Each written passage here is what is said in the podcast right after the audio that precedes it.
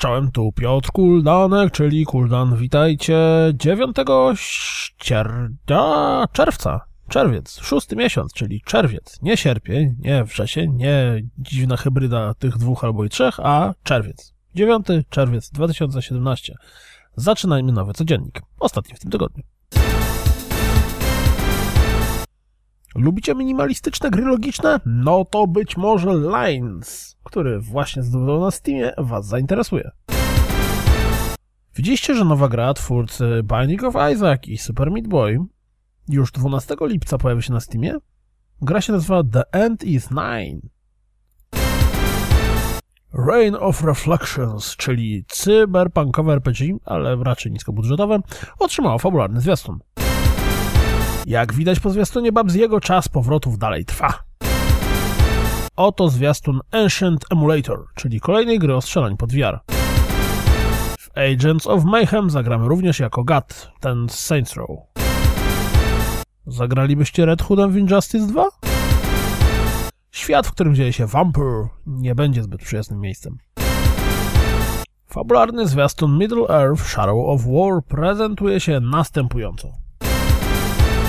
Dzisiejszy kącik zwiastunów E3 przed E3 sponsoruje Project Cars 2 i Fortnite.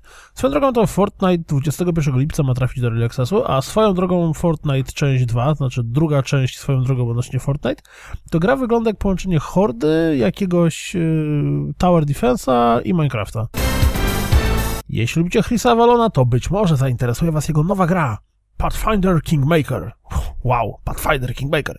Naturalnie na Kickstarterze mm, bazowy próg wskazuje na 500 tysięcy dolarów, ale po jednym dniu już przekroczono 50%, więc to, że zbiórka się powiedzie, raczej jest pewne. Shenmue 3 zaliczył obsługę na drugą połowę 2018 roku.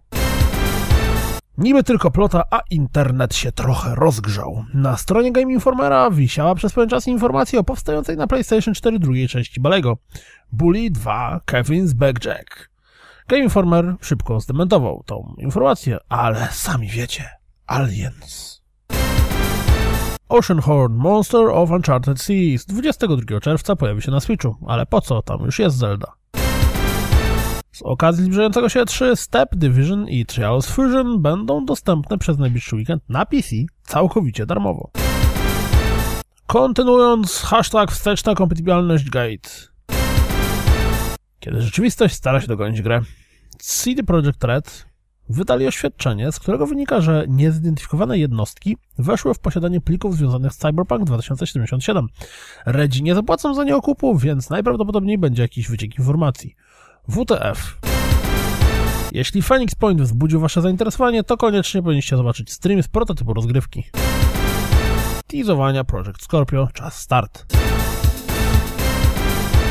To wszystko na dziś, jak zawsze dziękuję za słuchanie, jak zawsze zapraszam na www.rozgrywkapodcast.pl Pamiętajcie, że już niedługo na stronie pojawi się absolutnie cała masa specjalnych wydań codzienników związanych z poszczególnymi konferencjami.